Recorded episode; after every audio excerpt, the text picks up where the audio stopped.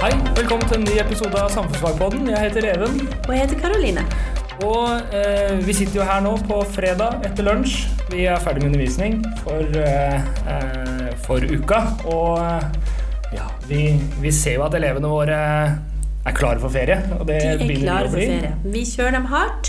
Og sånn som i mine fag, som er, eller våre fag som er totimersfag, så er du borte i to uker, eller altså, unnskyld, i to økter, så får ikke du vurdering. Så her gjelder det å ta ferie bare i ferieperiodene. For eh, fraværsgrensa som vi har nå i videregående skole, den gir ikke mye rom for å sitte hjemme og se på Netflix. Nei, du har 10% og 10% er som du sier to, to eh, undervisningsøkter, eller to, to, ganger, eh, to ganger 45 minutter. Nei, fire ganger 45 minutter blir det. Eh, og eh, ja, elevene våre, merker jo det, selvfølgelig. Eh, Og varselet kommer etter én gang borte, eh, så etter 5% Så det er ganske, eh, ganske kort eh, tid borte som skal til før det blir eh, melding med hjem. og Eh, Det er jo ikke nødvendigvis noe som er veldig gøy for oss som lærere heller, å måtte eh, gi den beskjeden Ja, så så blir det mye papirarbeid og, og sende varsel og sjekke hver uke hvem har vært eh, borte nå. Og så, vi vet jo at elevorganisasjonene ikke er noe glad i det her. Det ble jo streik, faktisk, politisk streik, når, vi, når denne grensa ble innført. Eh, Og vi hører jo fra elever at de syns det er vanskelig, for det kan være vanskelig å få seg legeattest. Og, ja, og det er med på å øke det der noe konstante presset som mange ungdom opplever i dag. Men nå er det noen som vil at vi skal flytte det presset nedover mot ungdomsskolen. Ja, eh, Først så skal vi kanskje si at fraværet på videregående har jo gått ned. Eh, så Det har det. eh, denne mannen, Nikolai eh, Nei, ikke Nikolai Astrup. Han er ikke eh, utdanningsminister. Det er Henrik Asheim som er eh, utdanningsminister. Eh, han vil jo eh, si at eh, fraværsgrensa har fungert. Og derfor så vil han også innføre fra- fraværsgrense på ungdomsskolen. Um, Det er ikke Elevorganisasjonen glad for igjen. Så de mener jo at eh, selv om eh, vi, men- eller vi, altså selv om Høyre mener at fraværsgrensa har vært en suksess, så er det kanskje litt, med litt sånn begrensa perspektiv. Ja, fraværet har gått ned, sier Elevorganisasjonen, men presset har økt betraktelig. Og de mener også at det rammer litt urettferdig. Så de vil i alle fall ikke at ungdomsskoleelever skal nå begynne å måtte forholde seg til 10 %-grensa. Nei. Mens eh, Åsheim sier jo da at det er 22 000 elever i grunnskolen som har mer enn én måneds fravær. Eh, og eh, ja, hva er grunnen til dette fraværet? Det, det kan jo diskuteres. og, og, men han ser det viser da til, til effekten vi har sett i videregående skole, med at vi har fått mindre fravær. Og ja, som du sier, Elevorganisasjonen sier dette er en veldig dårlig idé. Og med tanke på presset så kan det, kan, det kanskje være noe i det. Jeg vet ikke Ja. om det... altså ungdomsskolen, eh, For det som skjer på videregående hvis du ikke får vurdering i et fag, så kan du jo f.eks. gå ut og være videre utdanning. Det, det må du ta opp som privatist. Mens i ungdomsskolen så kommer du jo videre til videregående skole uansett. For alle har jo garanti på å få plass i videregående skole. Så eh, akkurat logikken bak Jeg vet ikke om det fungerer på samme måten på ungdomsskolen som videregående. At kanskje eh, det er litt for lettvint å tenke at det her bare kan flyttes ned i et system som er litt annerledes. Nei, for ris, ris bak speilet her er jo litt annerledes. Mm. Effekten av det her vil jo kanskje være at, at når vi får elever inn på i første klasse her på, på, på, på skolen, så, så vil det da stå IV fra ungdomsskolen hvis du har hatt for mye fravær. Og eh, vi vil kanskje ikke vite så mye da om, om hvor eleven ligger hen. Spørsmålet her er hva som følger med, kanskje, eh, i forhold til i forhold til hva som blir effekten av en sånn fraværsgrense. For du blir jo ikke kasta ut på ungdomsskolen. Ungdomsskolen er obligatorisk, og det er, det er på en måte eh, Det er en plikt og en rett eh, begge veier. eh, Mens videregående skole er et sted du ikke nødvendigvis trenger å Det er akkurat det. Og når Venstre går ut og sier at de syns det er et litt merkelig forslag, så er det nok det de tenker på. For at på grunnskolen så er det jo obligatorisk oppmøte. Videregående er jo ikke obligatorisk, det er valgfritt. Selv om alle har rettigheter til å gå der, så er ikke det det samme som grunnskolen. Og det er jo til og med lover som går på at foreldre ikke har lov å holde ungene sine borte fra skolen, så ja, det passer kanskje ikke inn i de Altså Vi som lærere har jo faktisk lov å mene noe om det her, tenker jeg. Eh, og som du sier, så det å få en elev i ungdomsskolen der det står IV på karakterkortet, det har ikke så mye for seg, tenker jeg. Men selvfølgelig, fravær er dumt. Vi vet at elever som, som, har problemer på mange områder i livet, at det kan ofte vise seg i fravær. Så hvis det, og det blir også sagt her, altså hvis det, elever har høyt fravær, så bør de jo utløse tiltak med sikte på å hjelpe eleven, men ikke med sikte på å kaste eleven ut av systemet, da, som Nei. det kanskje er litt mer her på videregående. Ja, nå diskuterer vi saken fra vår side som lærere. Og, og, det her er også en sak som er veldig interessant om eleven også sier noe om. Elevorganisasjonen sier selvfølgelig noe om den her, men, men det er jo en, en typisk sak som, som videregående elever kan engasjere seg i. Nå har vi fått fraværsgrensa på, på videre, videregående, og eh, utdanningsministeren sier den fungerer veldig bra, mens eh, Elevorganisasjonen sier at den har vært en fiasko. Eh, så, så, der er det jo en uenighet. fraværsgrensa for ungdomsskolen er jo ikke innført, og er en sak som man kan engasjere seg i og vise vise eh, støtte til eller motstand til. Eh, og, og vil være en aktuell sak hvor, hvor våre elever da, eh, kan engasjere seg. Ja, Det oppfordrer vi dem til. Og så har vi jo ikke bare streik, sånn som det ble gjort sist gang, men det er jo kjempefint at man kan jobbe gjennom interesseorganisasjoner, sånn som Elevorganisasjonen er.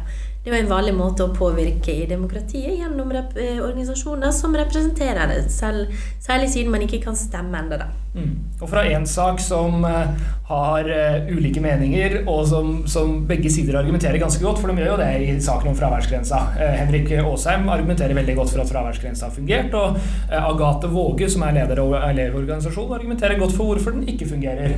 Og samme er det jo saken om, om gruvedeponi, eller sjødeponi, eller landdeponi av, av gruveavfall i, i Repparfjorden. Eh, hvor det også er to sider som egentlig argumenterer ganske godt for sine, sine syn på saken. Ja, og det gjør det også vanskelig. Eh, Dette er en sak med mange mange kryssende hensyn. Og det er en sak som eh, f.eks. handler om urfolk sine rettigheter. Og i et demokrati så vil et urfolk ofte komme til kort. Og det er fordi at urfolk er ofte minoriteter, og vi har jo det sånn i demokrati at det er flertallet som, som på en måte som får avgjøre. Og i Norge så har vi jo bøter på det med å ha Sametinget. Og Sametinget skal jo få lov å uttale seg om saker som berører samene spesifikt, sånn som det her, er nettopp for å passe på at deres interesse også blir ivaretatt. Og i denne saken her så er det her et område med, sa, med samisk eh, historie som går langt tilbake. Og området er beitemark for reindrift, ikke minst. Og, men liksom paradoksalt nok så er det også derfor de planlegger å putte avfallet fra gruvedriften i fjorden. For et av hensynene de tar da, er at de rett og slett ikke går utover området til reineiere. For da hadde de fått et mye mindre område til å beite. Så begge sider i denne saken her kan si at de vil ta hensyn til, til urfolk. Definitivt. Og, og, og, det er jo den ene sida av det her. Og så kommer på en måte naturvernsida også, som eh, Naturvernforbundet har jo vært ute og kritisert sjødeponi. Eh, og det vil helt sikkert også kritisere et landdeponi. Eh, jeg tror deres ønske i den saken her er vel at, at, det ikke blir noe gruvedrift i det hele tatt. At det har en, en, en negativ effekt. Og, eh, sånn ja, og i, eh, i, på forskning.no så ser vi jo at det, de, de, det her diskuteres om eh, hvordan man bør deponere avfallet. og Der er det tatt, tatt som utgangspunkt at det skal være gruvedrift. og eh, hvor, hvor, da det diskuteres hvorvidt eh, man skal deponere gruveavfallet. Og deponere betyr jo da å, å, å kaste eller legge fra seg eller kvitte seg med. Mm. Om det skal gjøres i, å fylle det tilbake i gruva, om man skal putte det i sjøen eller putte det på land. Eh, og miljø, nei, Klima- og miljødepartementet mener at eh, sjødeponi er det beste. Eh, og Argumentet for det er at hvis man legger det da i, i bånn av, av, fjorden, så vil det ligge rolig. Og det vil ikke være vann som sirkulerer igjennom, fordi at det vil legge seg da altså planter og, og, og sjø, sjøfauna over, som på en måte legger seg som et lokk. Ja, og De har jo fått støtte fra Fredrik Hauge, som er en av Norges mest kjente klima- eller miljøforkjempere. vil jeg si. Han er jo leder for Bellona, og han sier at nei, det her er, det holder mål, og det vil være den beste løsninga. Og grunnen til at han sier det også, er at det er eh, elbil som vi ser på som en av virkemidlene for å oppnå målene som vi har med CO2-utslipp, det er helt avhengig av det kobberet som skal utvinnes her. Mm. Og Videre på, på, på, på, på sjødeponi og landdeponi så er jo grunnen til at man ikke ønsker det på land, er at da regner det, og så renner da vannet gjennom deponiet og, og trekker med seg da eh, forurensning fra, fra landdeponiet. Og så tenker dere sikkert nå, eller kanskje dere ikke gjør det, men vi prata om å, å deponere tilbake igjen i gruva. Og det høres jo veldig logisk ut. Eh, og ta det møkkete tinga og, og, da hente ut det vi trenger, og putte tilbake det som er til overs. Og det er jo egentlig ganske logisk. Det høres logisk ut, men det er kanskje ikke så enkelt? Nei, problemet er at når man da tar det ut, så for å få ut av metallene fra, eh, fra eh, fjellet, eller stein man, man, sprenger ut fra gruva, så må man da knuse de i bitte, bitte små biter, og det gjør at eh, massene blir mye større, fordi at det kommer luft og vann imellom, imellom Eh, den, den sanda, eller pukken, eller hva man kaller det. Eh, eh, og som gjør at massa da øker til 40-60% Dvs. Si at da kan man putte inn, putte inn en god del av det man har, men ikke alt. Og i tillegg så blir det mye dyrere for den som, som driver gruva. Og det har jo selvfølgelig mye å si. Da har vi enda et, eh, et hensyn å ta. Mm. Rett og slett kostnad. Altså når du driver en forretning som det her er, så må du se på bunnlinja. Og det var vel snakk om en forskjell på 40 kroner per tonn mot 400 kroner per tonn i hvor mye det vil koste å gjøre de to tingene. Eh, det er jo selvfølgelig alternative løsninger. Noen eh, foreslår sirkulær økonomi. Dvs. Si at noen bruker avfallet fra en industri til å lage et nytt produkt. Og i andre land så har det blitt gjort med gruveavfall. Da har de tatt det, og så har de gjort om til bygningsmaterialer. Mm. Og det er liksom vinn-vinn, for det er et sementproduksjon det står for 7% av verdens CO2-utslipp. Så hvis du slipper å lage sement, så er jo det en fordel.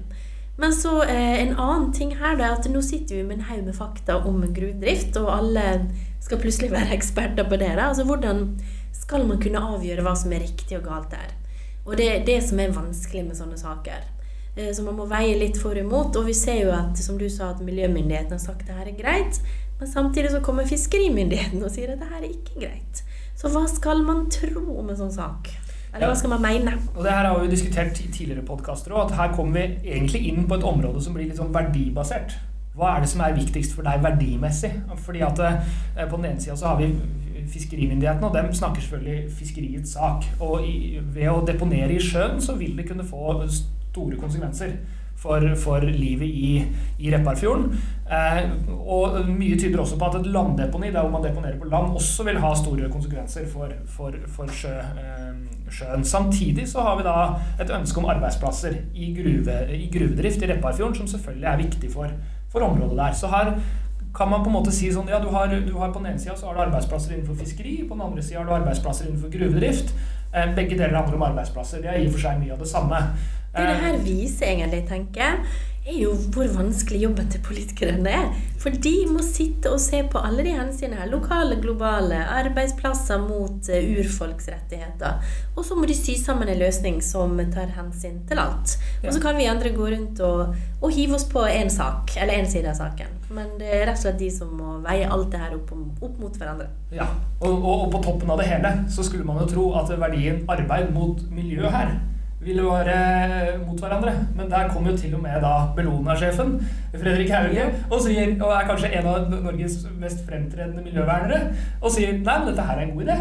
Eh, vi, bør gjøre det her. fordi det fører til at vi kan produsere flere elbiler og, og ha batterier til elbilene våre. Så, så, det er en veldig kompleks sak eh, som, som, kan være vanskelig å manøvrere seg i. Eh, og man skal kanskje også ha litt respekt for at det er en avansert sak. Det er ikke alltid man skal løpe til kommentarfeltene og skrike det høyeste man kan i sånne saker som det her. Kanskje man skal heller sette seg ned og lese. Absolutt. Det syns jeg det er poenget vi, vi, får frem her best mulig. Ja, definitivt. Da, hvor skal vi nå, da? Nå, eh, vi, vi, skal ikke til Trump den gangen her. Han Nei. fyller jo lett en podkast alene, men vi har prøvd å holde oss litt unna, for vi holder oss fortsatt i Norge, ikke det? Jo. Skal vi snakke om eh, ambulanse? Og det til ja. og med i Kongsberg, ved lokalet nå. Nå skal vi hjem igjen. I hvert fall for oss. Uh, kan jo hende det er noen som ikke er fra Kongsberg, som sitter og hører på det her. Uh, men vi skal i hvert fall til en sak som er i Kongsberg, som handler om beredskapen i Kongsberg. Og uh, overskrifta 'Brannvesenet måtte selv hente ambulansen og kjøre pasienten til sykehus'.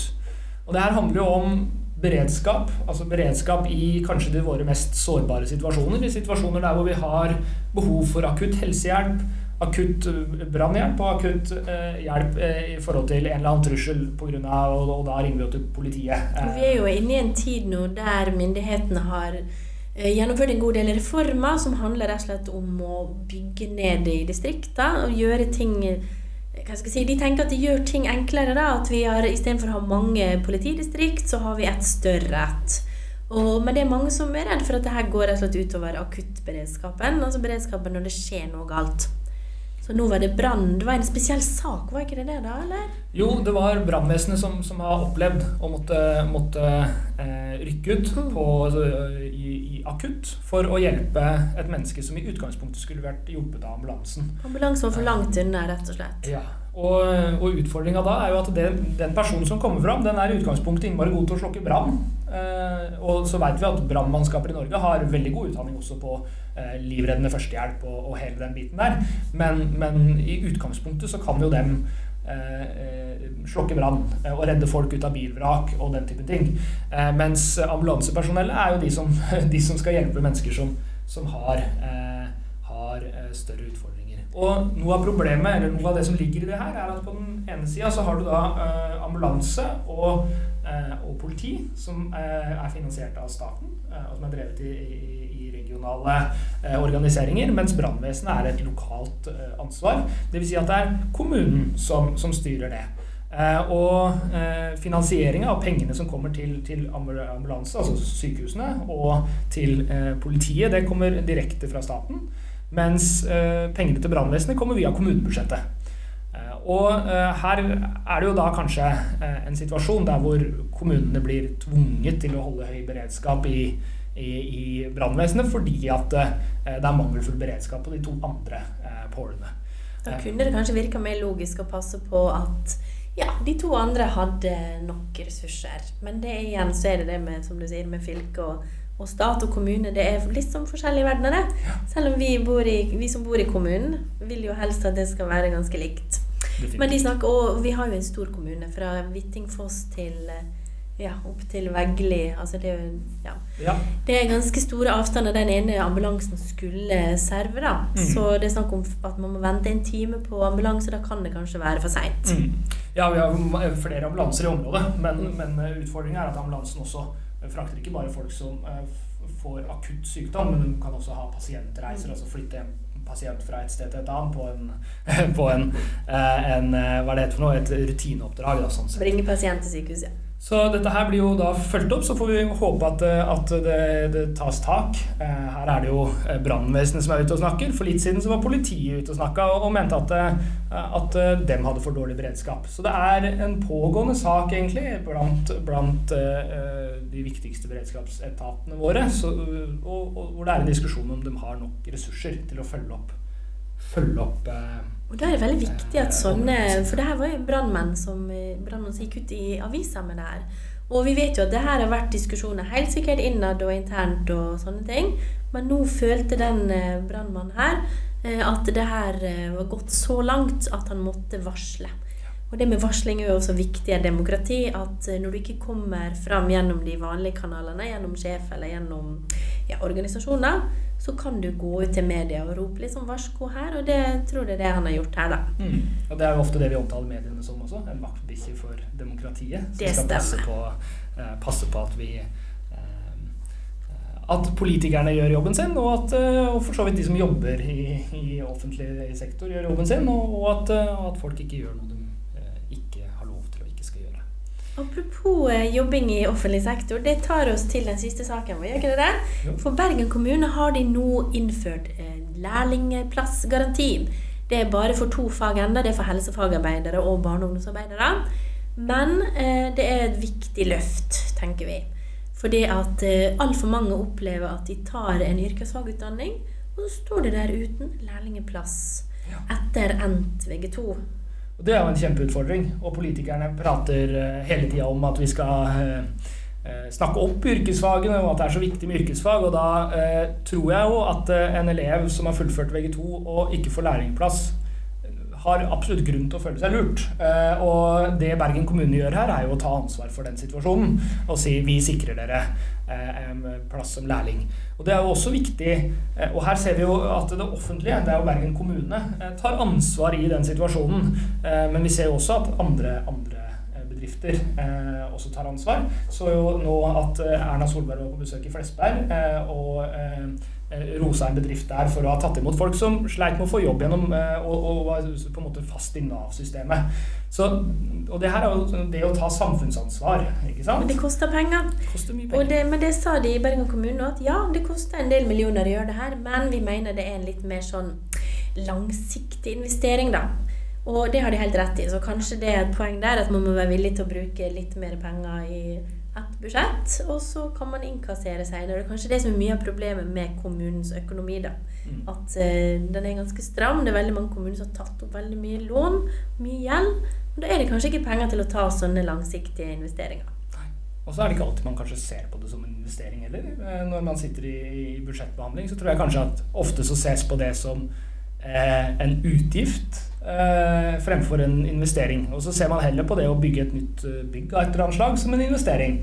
Eh, men det å sikre at vi har mange nok utdanna helsefagarbeidere i Norge, det er jo definitivt en investering. Fordi at eh, da slipper vi å Eller da, da får vi nok, eh, nok, nok fagfolk til å gjøre den jobben som faktisk skal gjøres. Og vi vet jo at fram mot 2025 så blir det flere og flere eldre i Norge. Eh, og da trenger vi flere og flere folk til å passe på de eldre. eh, de eldre. Absolutt. Altså investere i elever som velger yrkesfag, det blir aldri feil, mener jeg. Definitivt ikke. Ok, da er vi gjennom. Vi er på ca. 22 minutter, så da er vi omtrent der vi pleier å være. Eh, nå er det vinterferie, så vi har vel ikke store planer om å ha podkast i vinterferien. Nei, vi skal ikke lese avis i vinterferien? Jo, det skal, Jo, det skal vi. det skal vi. Men da ses vi om, eller høres vi om to uker. Ja,